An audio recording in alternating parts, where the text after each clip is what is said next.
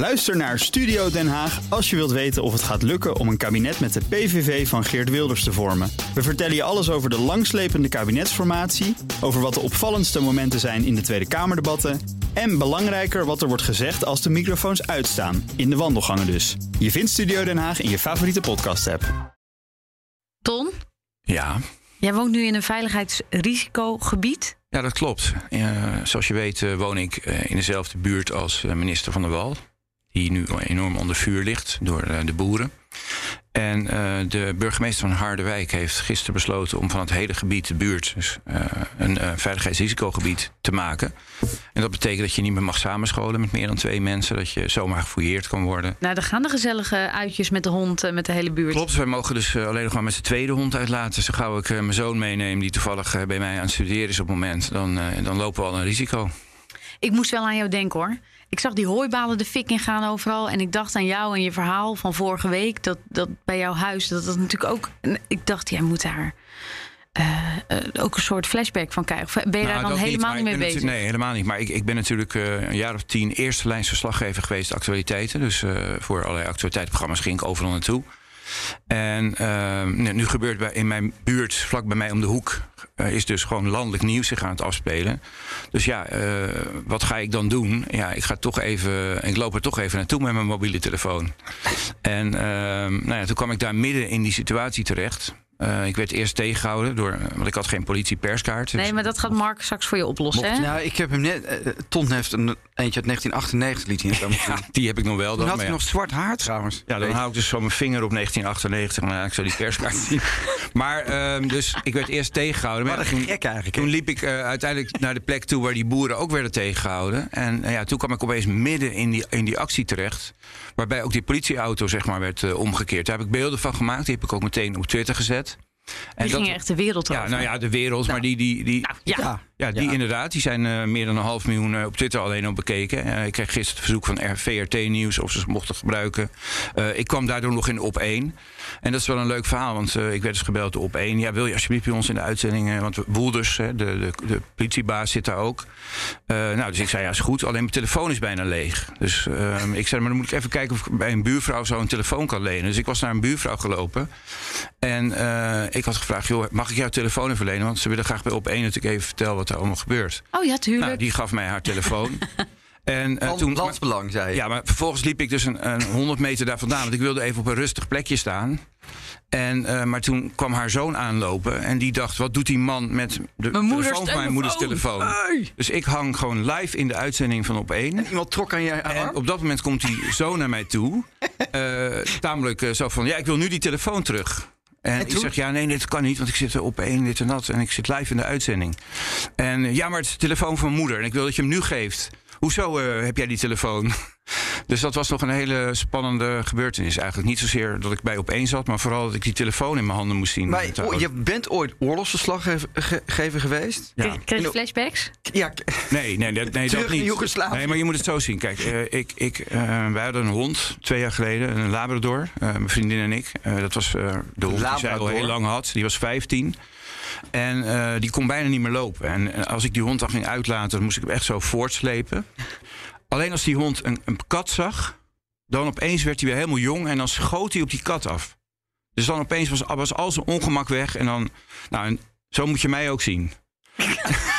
dus, Ik dacht, gaat dit verhaal naartoe? Ja, wacht even. Oké, we kunnen vaststellen, Ton F. van Dijk is een oude hond. Ja, maar als hij een je? jong Ja, poesje En- ziet, en je hebt dan nou een jongen- als een man. Nee, maar dus- en, dus- een, een, een relletje om de hoek is maar- voor jou ja. een kat. Ja, dus ik ben heel lang aanslaat. heb ik dat werk gedaan. Eerste lijn verslaggeving voor televisie. Hij- maar, eh, het is jammer dat we hier geen beelden van Je kijkt er echt heel serieus bij, Ton. ja, dat is ook zo. En, en dan gebeurt het bij mij om de hoek. Ja, en dan kan ik me gewoon niet. Inhouden. Inhouden. Nou ja, zeker omdat ik op dat moment ook nog eens een keer de enige journalist ter plaatse was. Zonder perskaart. Eh, zonder perskaart, maar wel met een telefoontje.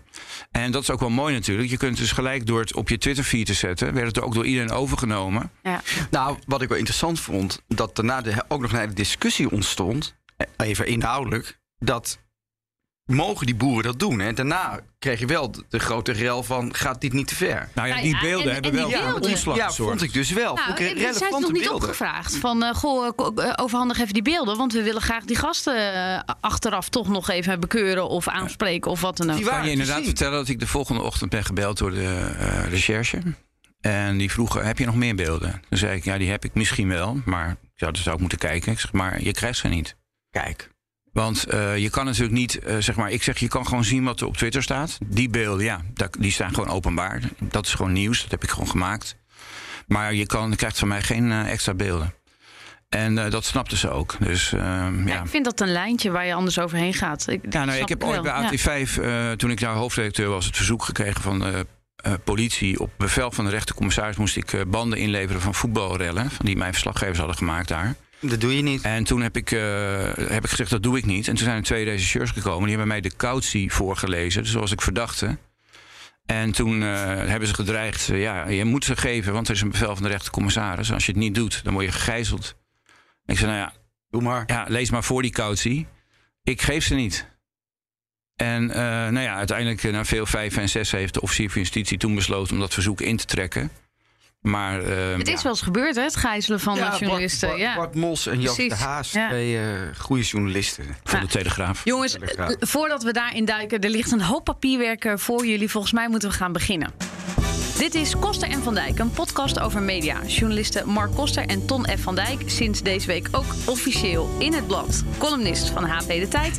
En ik, Wendy Beenakker, fileren elke week het media nieuws. We gaan even door met iets heel anders, namelijk de fusie tussen Talpa en RTL. Ze hebben het eh, voornemen om te fuseren. Deze twee, hè, Linda en Chantal, weer lekker onder één, eh, of in één bedje, onder één vlag. Dat is natuurlijk helemaal niet zo lekker, toch? Die twee. Nou ja, goed. Dat is natuurlijk de bedoeling, Mark. Daar kunnen wij dan even over gniffelen. Maar eh, de ACM, Autoriteit Consument en Markt, doet onderzoek naar die voorgenomen fusie. Nog één keer, Mark. ACM, wat, wat doen die ook alweer? Nou, ACM is, dat is een, een belangrijke club. En die moeten onderzoeken of partijen die fuseren... of die niet een te grote marktpositie krijgen. En nou, dat kan je allerlei onderzoeken naar doen. Je kan bijvoorbeeld kijken of ze te veel advertentiemacht krijgen. Hè, dat Ja, adverteerders... want de adverteerders waren ook al kwaad. Die zijn er heel bo- die, die, Ja. zijn, die hebben al de klok geluid erover. Een tweede onderzoek zou je kunnen doen of bijvoorbeeld producenten die tv-programma's maken, ja, dan niet bij één loket alles moeten aanbieden, hè, waardoor ze eigenlijk ja, geen kans meer hebben. Er komt nog bij dat John de Mol zelf een hele grote producent is. Dus ja, voor producenten zou het dan kunnen zijn dat, dat, dat er gewoon te weinig partijen overblijven. Daar zijn ze al een jaar mee aan het onderzoeken. Dat is wel interessant. Hè? Ik heb daar een jaar geleden al over geschreven. En nog steeds, ik heb nog even weer gebeld met RTL. Hebben jullie nog nieuws? Nee, we hebben geen nieuws. Talpa, nee, we hebben geen nieuws. Dat voornemen staat nog steeds. Dus er wordt nu onderzocht. Ja, worden ze te groot en te sterk? En Ja, want, want als zij met z'n... even schets even het landschap. eh Nou, je hebt eigenlijk RTL drie en grote partijen. De NPO, RTL en Talpa op tv-gebied, radiogebied ook. Eh, ja, dat zijn de par- partijen. Dus als er dan nog maar twee over zijn, ja, dan wordt het een beetje, een beetje moeilijk. Mhm, mhm. Oké, ze doen dus onderzoek. Wat is, het, wat is de crux, zeg maar, als je het in één zin moet samenvatten? Ze doen onderzoek naar, worden ze niet te groot? Of, hun, of ze een markt, Hun macht. mogelijke marktmonopolie Ja, want dat is verboden. Je mag in, eh, zeg maar in Europa mag je niet zo'n groot bedrijf worden dat je eh, ja, onevenredig veel macht hebt op de markt. Nu hebben ze natuurlijk In Amerika is dat misschien wel aardig te vertellen. Amerikanen die zeggen soms, je moet opsplitsen. Hè? Grote bedrijven daar, hè, dat is natuurlijk in het verleden gebeurd... die worden in stukjes gehakt, want ze worden te groot. Nou, dat zou mogelijk hier ook kunnen gebeuren. Oké, nu, nu hebben ze dit al eens eerder ge- gedaan. Hè. Ze wilden al eerder fuseren. Dat is toen afgeketst. Waarom is dat toen... eh, hebben ze daarvan ook gezegd van... nou, oké, dat was ook via de ACM afgeketst? Nou, Ja, dat dat heette toen nog de NMA, de Nederlandse jaar Tegenwoordig dus ACM, Autoriteit Consument en Markt. En eh, inderdaad, toen eh, is, het, eh, ja, is het afgeketst, dat voornemen. Het zag er wel iets anders uit, die deal, hè, qua verhoudingen. Maar het was inderdaad in principe... Het ging toen over SBS. Ja, en dus toen, toen zou zeg maar Talpa zou RTL overnemen en SBS. En dan zou dat één organisatie worden. Of in ieder geval, ja, dat was hetzelfde. En, en toen is er inderdaad hevig protest gevoerd vanuit, ja, vanuit allerlei organisaties in Nederland. Onder Ja. andere de tv-producenten. Want die dachten natuurlijk van ja, zometeen heeft John de Mol uh, zeg maar het voor het zeggen binnen RTL en binnen SBS. En hij is producent. Dus hoe kunnen wij dan nog als producent onze programma's verkopen aan die twee zenders? Als er een producent eigenaar is van beide zenders. En, en, en zeg maar in de control room zit, dus schema's maakt en tegelijkertijd producent is. Ja. Nu hebben jullie voor je liggen uh, het, uh, het, het, onderzoek, of eigenlijk de enquête nou, die uh, de ACM. Wat wel interessant is, en Ton schetst nou hoe, hoe dat al eerder is gedaan. Het is nog steeds zijn producenten, hè, een, de, de clubjes die dan bij RTL en Talpen moeten pitchen, die zijn best bang dat John de Mol een te grote positie krijgt. En durven daar eigenlijk nooit wat over te zeggen. Dus wat nou interessant is, dat de ACM vraagt. Ja, aan, die enquête die jullie voor jullie hebben de liggen. producenten Ja? Om op anonieme basis te vertellen hoe zij dit zien. Ja, want er is geen producent in Nederland die eigenlijk hardop durft te zeggen dat hij tegen zo'n uh, fusie is. Want ja, stel je voor dat het dan toch doorgaat. Of ja, nou eigenlijk is het zo, je komt John de Mol natuurlijk altijd tegen en overal. Dus die is zo machtig dat niemand durft te zeggen van ja, wij zijn daar niet zo voor.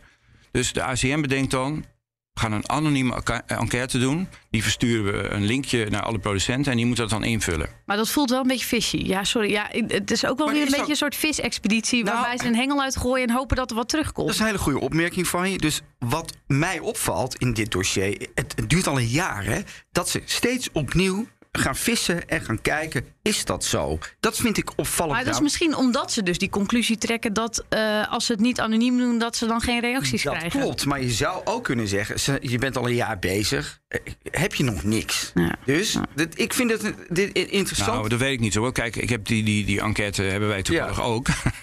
en eh, er staat gewoon in beste producent, de autoriteit, consument en markt wil graag een beter beeld krijgen van de markt voor audiovisuele producties en de ontwikkelingen op die markt. Reden hiervoor is dat de ACM op dit moment onderzoek doet naar de mogelijke gevolgen van de voorgenomen overname van Talpa Network BV door RTL Group SA. In het kader van dat onderzoek heeft de ACM een aantal vragen over de ontwikkeling en productie van de audio- audiovisuele content. Daarom legt ACM u deze enquête voor. Maar het, de essentie is dus niet zozeer de enquête, maar dat het anoniem gebeurt. Ja, ja, echt dat- uit angst. Ja, en, en ehm, wat je nou ziet is dat eh, Talpa en RTL, die ja, willen dit nog steeds. En vooral eh, wat, wat ze eigenlijk proberen te vertellen is van die machtspositie van ons in Nederland is anders dan tien jaar geleden. Ja, want En dat is het geitenpaadje. Ja, dus ze gaan nu Waarom? iets anders... Omdat ze zeggen, de markt is niet meer Nederland, is de hele wereld. Dus Maar wie bedenkt Facebook- dat? Wie bedenkt dat voor? nou ja, John de Mol heeft daar een geweldige jurist op gezet. Wilfred Knibbeler heet. Ja, de naam alleen Dat is een al. heerlijke naam. Hij werkt bij Freshfields. En dat is op de Zuidas eh, eh, groot kantoor. Ik denk dat die man 500 euro per uur kost. En hij is dat nu aan het verzinnen. Wat je dus ziet, die knibbelen die zegt steeds... ho, ho, ho, niet Nederland is de markt. De taart is veel groter. En in die grote taart zijn RTL en Talpa helemaal niks meer. Met andere woorden, je moet het juist stimuleren, deze Ja. fusie. Wa- ja, wat zit je nou te kijken? Ja, dat is ik wat- zit even, ja, ja, maar ik zit ook even te bedenken dat dat niet Nou, heel gek is. Omdat, ja, ik bedoel, ik ze- de verkoopt programma's over de hele wereld. De Nee, ja, Voice ging de hele wereld over. Is misschien zo'n Maar je kan ook zeggen, producenten maar- kunnen naar, ook nu naar Netflix. Ja, Producenten kunnen ook naar Amazon. ja. Dus dat verhaal vind ik ook wel een beetje steekhoudend. Hè? Dus ik, ik wil het eigenlijk wel een beetje dan voor RTL en Talpa opnemen. Want dat ziet, Ton is eh, eh, producer of producent geweest. Er zijn dus ook steeds meer producenten die niet meer voor de NPO, RTL of Talpa werken. Nee, Nee, dus maar, het is ook, maar. maar het is ook, eh, hij heeft heel goed gekeken wat er de vorige keer gebeurd is en waarom het tegengehouden is. En hij Ja. komt nu zeg maar met een extra argument, een nieuwe invalshoek. Hè, van ja, de wereld is veel groter geworden. We moeten eigenlijk allemaal concurreren met de streamingdiensten als Netflix. Ja. En dat is nu zeg maar eh, de strategie die ze hebben om het alsnog voor elkaar te krijgen. Ja, want Ja. elf jaar geleden, Ton, toen was jij er dus bij als producent. Wat, wat, wat, wat voor gesprekken, hoe ging dat toen? Hoe, Nou ja, hoe werd was- dat toen gedaan? Ik was toen eh, eh, een tijdje interim directeur geweest van de eh, Nederlandse eh, van de OTP, de onafhankelijke televisieproducenten, waar dus alle tv- eh, tv-producenten in Nederland in zitten. En ik was daar eigenlijk al uit. En op een gegeven moment kreeg ik een telefoontje. En eh, toen, toen was iemand, een topproducent van, van, van een eh, groot eh, bekend eh, productiehuis. En die zei: Ton, wij hebben binnenkort een, een conference call met een aantal producenten. Zou jij er ook even bij willen aanschuiven? Dus ik zei, nou ja, waarom? Want ja, wat is mijn toegevoegde waarde? Ja, maar jij, jij bent altijd iemand die ja, toch wel heel analytisch kan nadenken. En misschien wil je er gewoon bij zijn. Dus nou ja, vervolgens kom ik op dat moment in zo'n gesprek terecht. Uh, daar zitten, uh, moet je je voorstellen, Alle dus aan grote. de telefoon. Ja, dus de directeur van Animal, de directeur van iWorks, de directeur van IDTV. Dat was toen Shula Rijksman. Mental. Oh, Um, spannend. de directeur, ja, dus alle belangrijke producenten zaten Ja. op dat moment in die phone call. Behalve natuurlijk Talpa. Want het moest een beetje natuurlijk ja, eh, buiten Talpa om. Want dat was degene juist die iets wilde waar de producenten bang voor Maar waren. Ton, je moet even eerlijk vertellen, het was natuurlijk alleen maar om, om dit tegen te gaan. Nou ja, in ieder geval, eh, er werd heel lang Vertelt over nou gepraat. heel netjes, en, en, maar- en over mijn analytisch vermogen, zal ik maar zeggen. Er werd weinig gebruik gemaakt, viel mij meteen op. Maar eh, de- heren voerden en dames voerden een gesprek met elkaar. Ik zat eh, gewoon braaf mee te luisteren. En aan het eind van het gesprek kwam eh, eigenlijk de aap uit de mouw. Want eh, ja, toen werd er gezegd, ja, dus wij moeten, eh, wij, ons is nu gevraagd om onze zienswijze te geven aan de NMA toen nog. Maar ja, wie gaat dat doen? ja. En toen werd het heel erg stil. En eh, toen was er geen één producent. Ah, Was, niemand durfde, durfde. Dat. zeg maar, daar naartoe te gaan om het tegen John de Mol op te nemen. Want ja, stel je voor dat het uitlegt of bekend wordt... dan, dan kom je er niet meer binnen. Dan krijg je gewoon geen opdrachten meer. En toen dachten ze, die Ton F. van Dijk. wat overigens wel aantoont dat dit een serieus onderwerp Ja, is. Want ja. als die producenten zo bang zijn dat ze geen opdrachten meer geven... dat ze zelfs niet naar de NMA tu- toe durven om gewoon te zeggen... van nou ja, volgens ons heeft dat deze gevolgen. Dus toen werd er opeens gezegd... Ga er maar. Ton, ben je er nog? Eh, ja, is dat niks voor jou om dat nou te doen? Want jij bent ook nog eh, zenderbaas geweest. Dus jij kan heel goed uitleggen hoe het inkoopproces bij, bij, bij zenders werkt. Wil jij dat niet, niet doen? En toen zei ik, ja, ja, nou ja, ja waarom niet? Ik heb, geen, eh, ik heb verder geen relatie met John de Mol. Ja, ik wil dat best wel doen. Dus toen bleek eigenlijk waarom ik daar eh, was uitgenodigd. Namelijk omdat er iemand naartoe moest. Maar ja, wie moest dat doen? Niemand van de producenten durfde dat eigenlijk. Dus toen vroegen ze dat aan mij. Oké. Dus toen ben ik uiteindelijk... Jij ging naar Den Haag, want daar eh, was het. Toen kreeg ik ook, eh, moet ik zeggen, ook twee... eh, of een topadvocaat kreeg ik eigenlijk toegewezen. En met die topadvocaat heb ik vervolgens... ehm, eh, ja, eh, Toch je analytisch, weken, eh, ja, heb ik vermogen een aantal aan het, eh, weken, werk gezet? heb- Ja. Precies, heb ik, ik heb allemaal die input stukken ge- gelezen van Ton. Dat heb ik ook gebruikt in het boek over... Ik heb geen idee hoe jij daar aan komt trouwens. Ik ook geen idee, Ton. Maar het mooie aan, die, aan dat, was, was inderdaad keihard op. Had je, had je heel goed opgeschreven. Hè? De hele markt beschreven. Alle partijen had je beschreven. De positie van de mol erin. Dat, dus, Ja, die Ja, topadvocaat was gewoon heel goed en die had het ook allemaal heel goed verwoord. En eh, ik leverde ja, eh, mijn input en ook van anderen. En zo kwamen we gezamenlijk, gezamenlijk tot een, een strategie. En zijn we ook afgereisd naar de NMA. En ik kan me nog heel goed herinneren hoe dat gesprek begon. Namelijk, van harte welkom. Volgens mij zelfs diezelfde mevrouw Groenendijk... die nu ook die enquête heeft ondertekend. Ehm, en ik zat daar dus achter een tafel met, met die topadvocaat. En ehm, ja, eh, dit gesprek eh, is een gesprek wat nooit heeft plaatsgevonden. Maar we willen heel graag weten wat de producenten in Nederland nou vinden van die voorgenomen fusie. Nou, toen heb ik daar eh, twee uur lang eh, vragen beantwoord over eh, het inkoopproces, zoals ze dat dan noemden. Dus ik heb uitgelegd van ja, als jij als producent een programma wil verkopen, ga je naar een zender. En die zender heeft een programmaschema en ze hebben geld. En ja, dan kan je er vervolgens een programma verkopen. Maar ja, als natuurlijk een hele grote producent zoals John de Mol in die beide zenders zit en daar zeggenschap heeft, dan is het heel erg aannemelijk dat hij ook bedenkt dat hij bepaalde tijdslots krijgt en dat hij eh, die mag vullen. En dat is dus een concurrentienadeel voor andere producenten. Nou, die redenering is uiteindelijk overgenomen, want ik kan me nog heel goed herinneren dat ik, dat ik met die topadvocaat daarna vlakbij het NMA-gebouw buiten op een terrasje even nog zat na te praten. En die zei: Ton, ja, eh, dat heb je gewoon heel goed verteld. En ik denk dat dat echt wel eh, overgekomen is. En, en als gevolg daarvan... Ging die is- fusie niet ging door. die fusie niet door. Nee, dus we hadden gewoon een geweldige advocaat. En die heeft, die heeft Ja. dat gewoon geweldig gedaan. En nou gaan we dat even een vraag aan je stellen. Wie was die advocaat? Ehm, moet ik even goed nadenken. Volgens mij heette die Wilfred Knibbeler. Oh, nee! Oké, dus dezelfde advocaat gaat nu gewoon... Die Ja, staat dus nu de- aan de andere dus kant. dezelfde advocaat die tien jaar geleden de, de producent heeft geholpen om te voorkomen dat die fusie er komt. Gaat nu Is John de nu Mol door John de. Mol ingehuurd. Wat wel slim is van John de Mol op zich. Heel slim. Om te zorgen dat het wel gaat gebeuren. Nou, en natuurlijk hebben wij daar even navraag gedaan. Ja, dus je hebt hem gebeld. Knibbeler was not amused dat we überhaupt die vraag stelden, maar bevestigde dat. En ik heb vorige week nog een keer aan hem gevraagd of hij nog steeds op het dossier zit. Want een jaar geleden heb ik, heb ik dit al onthuld in de NRC. En hij zegt ja, ons kantoor doet dit nog steeds. Eén. Twee, heb ik ook de deken benaderd. En de deken, dat is eigenlijk de keurmeester van de advocaten. En Wat vinden die hiervan? Precies. Die zeggen dat dit wel kan. Want, en nu komt het, ze wijzen op artikel 15 van de advocatenwet. Ik wist niet dat het bestond. En die zegt dat een cliënt, als je de eerste cliënt dient in hetzelfde dossier. En dan naar de tweede cliënt gaat met hetzelfde dossier. Laten we zeggen, het dossier Ton en Van Dijk gaat op, zo mee. Dan moet dat dossier mag, moet dan achter slot en grendel worden gedaan. Ja, maar jongens, nee, zo nee, werkt nou het toch het, niet? Nou komt het. Die knibbeler heeft tegen mij gezegd... ik heb dat achter slot en grendel gestopt. Ja, dus we hebben dat kantoor, zeg maar... dat zit ook ergens aan de Zuidas, denk ik. En, en, en daar is nu een, een kluis... En daar ligt al mijn input van destijds en alle informatie die wij hebben gegeven, ligt kennelijk in die kluis. De sleutel van die kluis is in handen van Wilfred Knibbeler. Hij is daar ook partner. Alleen, hij is daar partner en uh, hij heeft daar een hele belangrijke functie. En nu doet hij dus voor John de Mol uh, precies het tegenovergestelde. Maar uh, hij kijkt niet in die kluis. Want ja, wat nee, alles en wat hij is ook ligt. vergeten wat jij tegen Ja, hem hebt verteld. vergeten. rood, Zijn, zijn in geheugen die is, is geërased. Ja. En hij is helemaal opnieuw Zo werkt dat. Die worden gewoon hergeprogrammeerd, die mensen op de Zuidas. Maar goed, kijk, de vraag is niet zozeer of het juridisch mag. Hè, want eh, dat zal Nee, die maar deken is het, Nou, dat ongetwijfeld... is ik het ja, dat zal die deken ongetwijfeld... eh, Maar is dit ethisch? Is Nee, het, dit gaat, nou... nou, het gaat gewoon om. Ik, ik wil het niet eens hebben over ethiek of wat dan ook. Ik wil het gewoon hebben. Wat vind ik er zelf van? Want ik ben erbij geweest. En ben ik dan verbaasd of, of eh, dat, dat diezelfde meneer, diezelfde advocaat. nu zeg maar eh, de andere kant eh, behartigt, de belangen van de andere kant.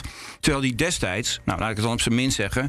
mijn brains gepikt heeft. Hè? Dus, dus, dus, dus Ja, ik zou informatie. alsnog een factuur sturen, Ton. Nou, dat niet. Maar het is, ik vind het vreemd. Ik, ik, ik was heel erg verbaasd toen ik dit hoorde.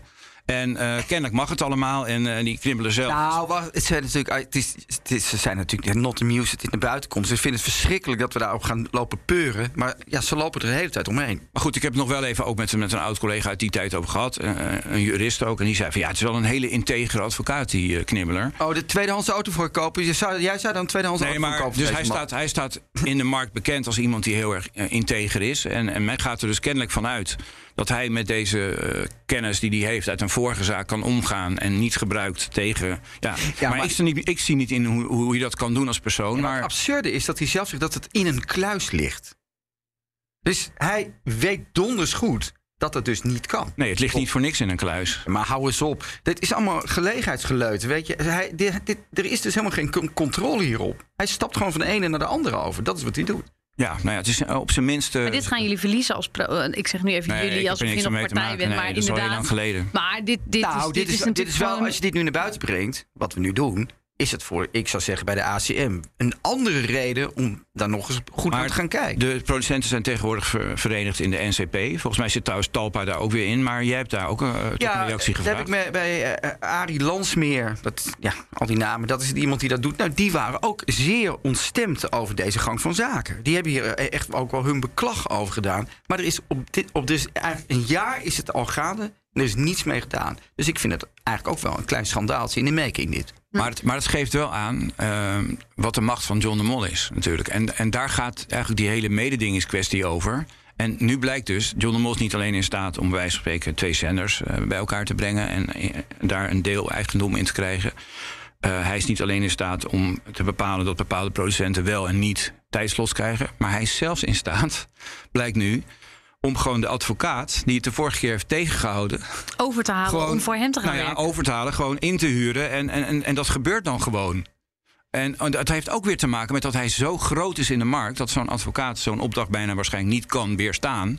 En dan ja, denkt, nou, kan het strikt Rekeningen genomen. worden Nou, natuurlijk wel betaald. het kan, het kan volgens de deken, het mag volgens de regels, dus ik doe het. Met terugwerkende kracht moet Tim Hofman alsnog een lintje krijgen voor het feit dat hij het wel opnam tegen John de Mol. Want als die producenten dat dus niet durven en dat alleen anoniem de ACM daar nog verhalen weg kan krijgen, ja, dat, dit, dat vind ik het meest schokkende aan ons verhaal vandaag hoor. Daarom heb ik het ook verteld, want eh, we proberen hier toch de inner workings van de media te laten eh, zien Ja, in deze eentje. podcast. En dit is weer een mooi voorbeeld van hoe het inderdaad aan de binnenkant echt gaat. De tv-wereld ziet er ook wel anders uit hè, sinds die aankondiging eh, van hun fusie of het voornemen. Eh, de kijkcijfers bij SBS zijn echt eh, in elkaar gekletst. VoiceRail, willen ze überhaupt nog wel fuseren samen? Ze houden staande dat ze dat willen. Maar volgens mij krijg je een soort de lam en de blinde... die nu niet meer met elkaar verder moeten. Dus ik zou zeggen, doe het niet. er is een hele grote partij die heel graag met RTL wil samenwerken. DPG, hè, de uitgever van kranten, die heeft nog geen tv-tak. De baas van Christian van Tillau, Belgische meneer, die zit echt op het uh, vinkentouw om dit te willen. Hij heeft ook bezwaar aangetekend tegen deze uh, mogelijke fusie. Hè, want hij heeft uh, op, op radiogebied uh, speelt hij met Q Music mee. En hij zegt, ja, dat, als De Mol en RTL samengaan... dan wordt dat weer veel te groot qua adverteerdersmacht. Dus die is er al tegen. Ik denk zelf, maar is mijn advies aan RTL... doe het niet. Ga lekker met DPG. Jij schrijft een boek over Van Tillo, toch? Ja. Oh, ik geloof niet dat dat al bekend mag worden, maar ja, dat wordt dan nu wel bekend, ja. En heb je Van Tillo al uh, gepolst of hij ook geïnteresseerd is dan? Ja, nou, ik heb Van Tillo zelf daar nog niet over gepolst. Maar ik weet wel mensen omheen dat hij heel, heel graag RTL ja, wil hebben. Gewoon... Want hij heeft in België TVM, dat is van hem. En dat zou een hele lekkere aanvulling zijn. Dan kan hij Angela de Jong elke dag in een talkshow krijgen. In een talkshow krijgen bij RTL. Maar en dat moet, is heel goed voor ja, ze. Maar dan moeten wij dus het bezwaar van DPG tegen deze fusie ook zien in het licht van de eigen ambities absoluut, van Van Tillen. Absoluut, ja. absoluut. Zo zie, ik dat, zo zie ik dat zeker. En daar wordt ook niet geheimzinnig over gedaan. Als je in Antwerpen rondloopt daar op het hoofdkantoor, dan zeggen ze dat gewoon: wij willen RTL. En ik denk dat dit spel nog niet uit is.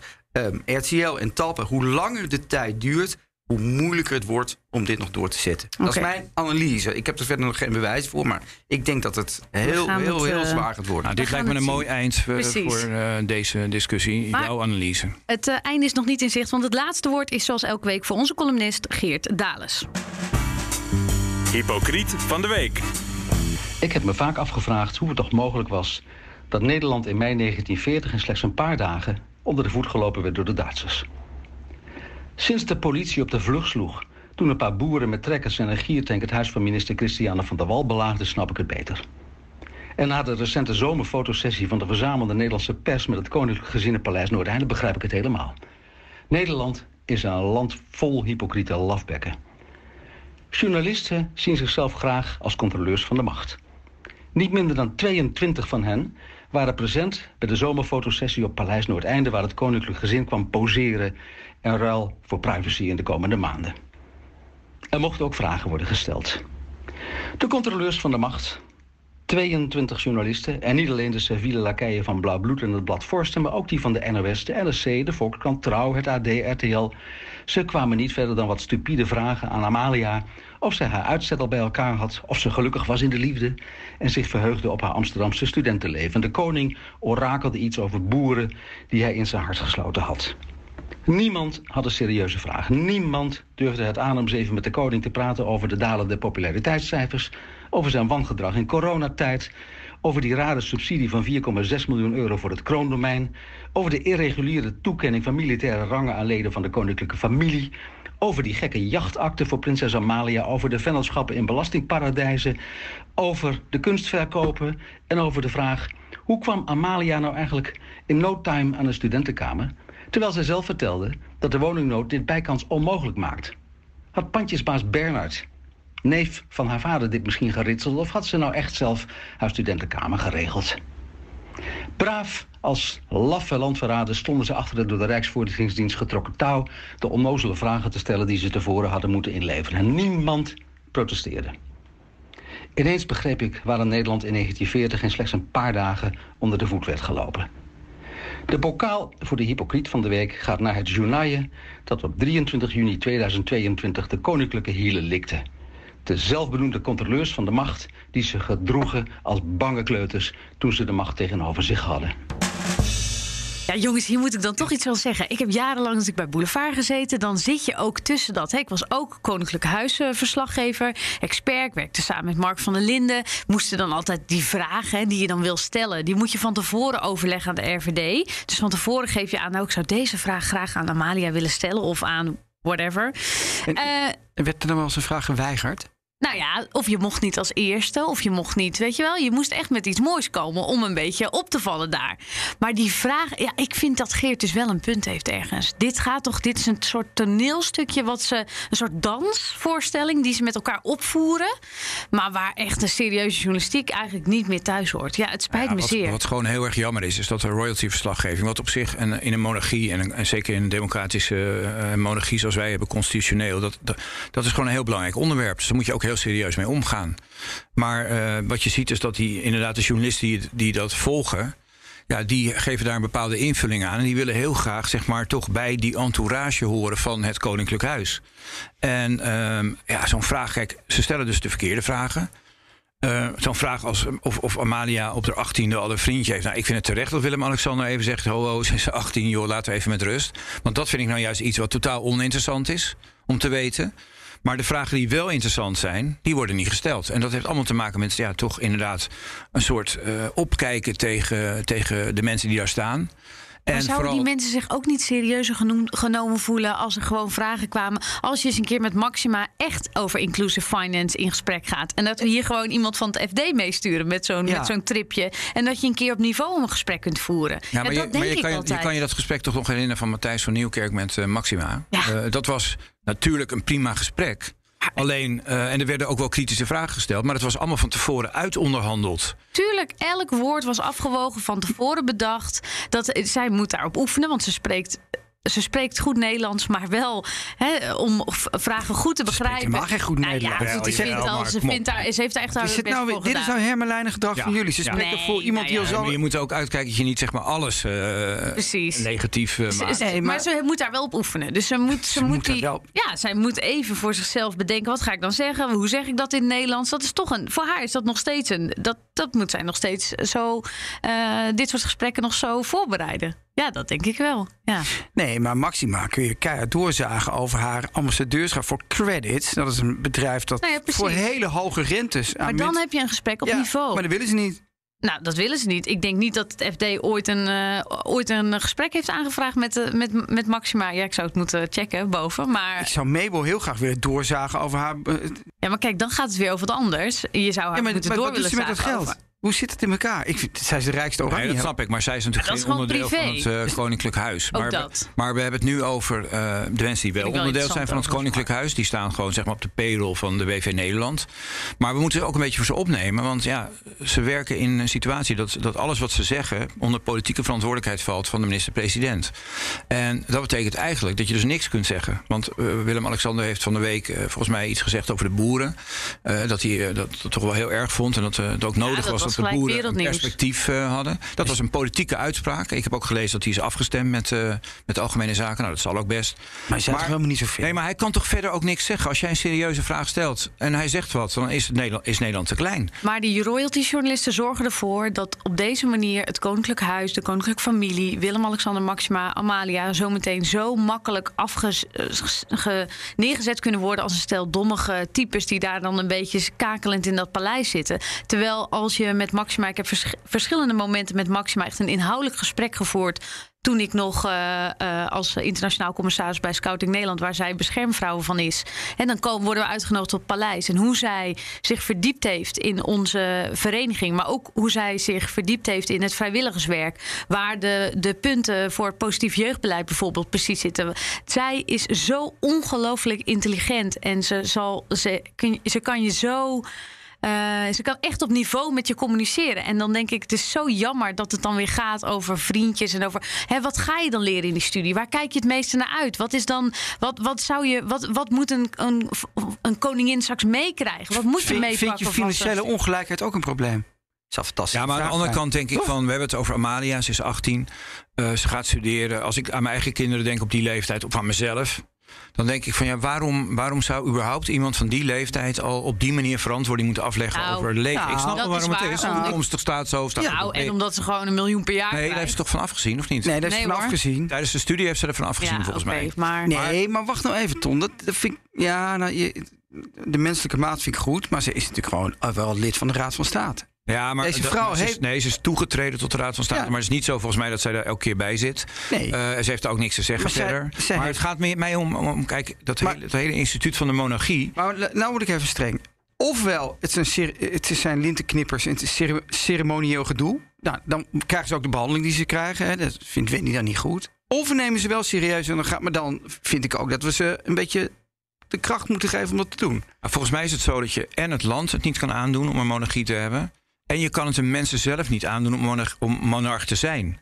Want zij zitten in een bocht, ze kunnen geen kant op. die komt de Alles wat ze doen, boven. ja, nee, maar alles wat ze doen eh, wordt breed uitgemeten. Dus als hij een speedboot koopt, Terwijl die man, eh, bij wijze van spreken, een- uit een van de rijkste families in Nederland Ja, komt. joh, hij kan wel twintig Ja, speedboats kopen. en, en die verkoopt hij niet van belastinggeld, maar gewoon van het geld wat in die familie al, En al wat jaren met hun is. kunstverkoop hebben. Ja, maar goed, dan, wordt, dan is het land te klein. Als ze op vakantie gaan, dan is het land ook te klein. Terecht hoor, want op dat moment was het een hele slechte keuze. Maar dat komt omdat we dus zo'n monarchie hebben.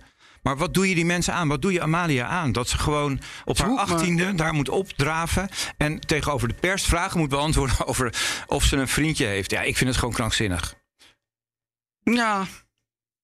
Ja, elk land krijgt de monarchie, elke land krijgt de monarchie die het verdient.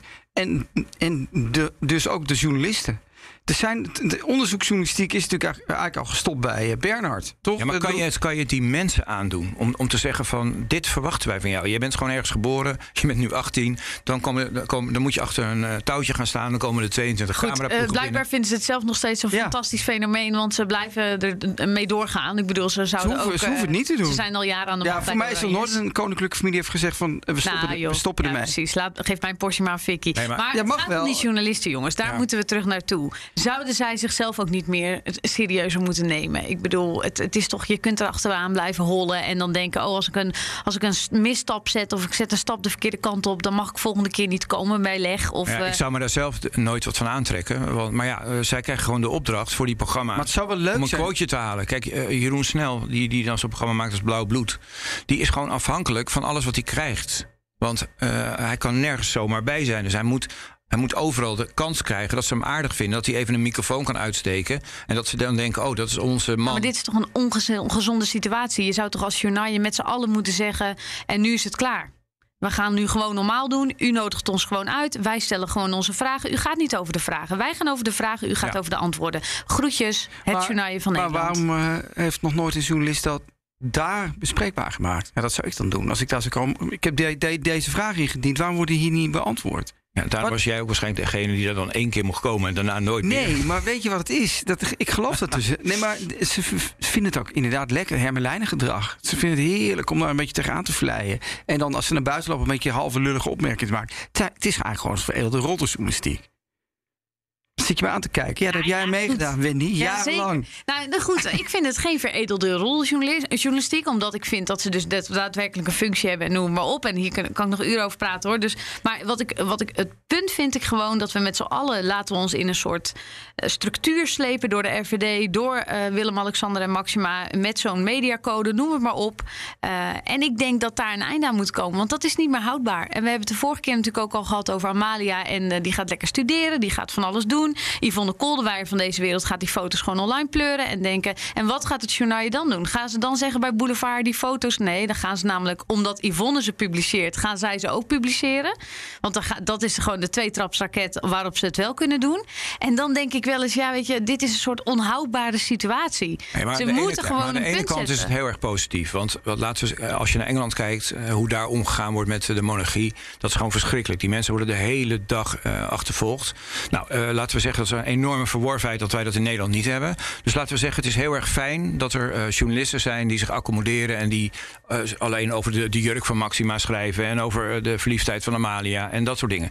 Daarnaast heb je natuurlijk serieuze journalistiek. Ja, en die moet ook op een serieuze manier aandacht besteden aan de monarchie. Nou, ik weet bijvoorbeeld uit ervaring eh, dat bijvoorbeeld als de NOS een, een interview had met een van de eh, mensen uit, de, uit het Koninklijk Huis, dan werd daar eindeloos over onderhandeld. Eh, degene die daarvoor verantwoordelijk was binnen NOS ging dan meerdere keren naar het paleis. En, en was daar ook enorm van onder de indruk dat hij op het paleis was. Wat ik me ook kan voorstellen. Maatje van Wegen.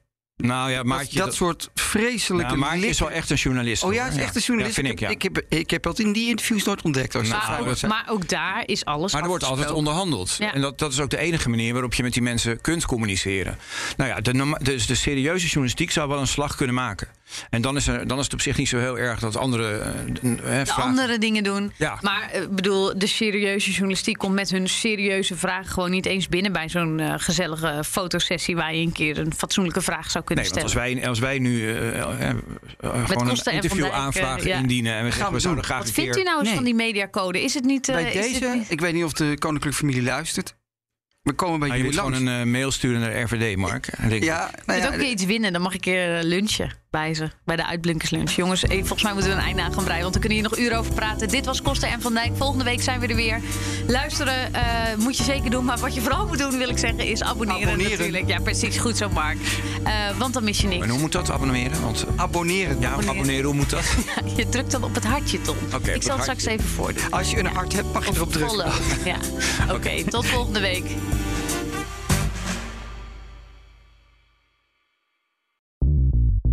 Bij BNR ben je altijd als eerste op de hoogte van het laatste nieuws. Luister dagelijks live via internet. Bas van Werven. En heel langzaam komt de zon op rond dit tijdstip. Je krijgt inzicht in de dag die komt op BNR, het Binnenhof in Nederland en de rest van de wereld. De Ochtendspits. Voor de beste start van je werkdag. Blijf scherp en mis niets.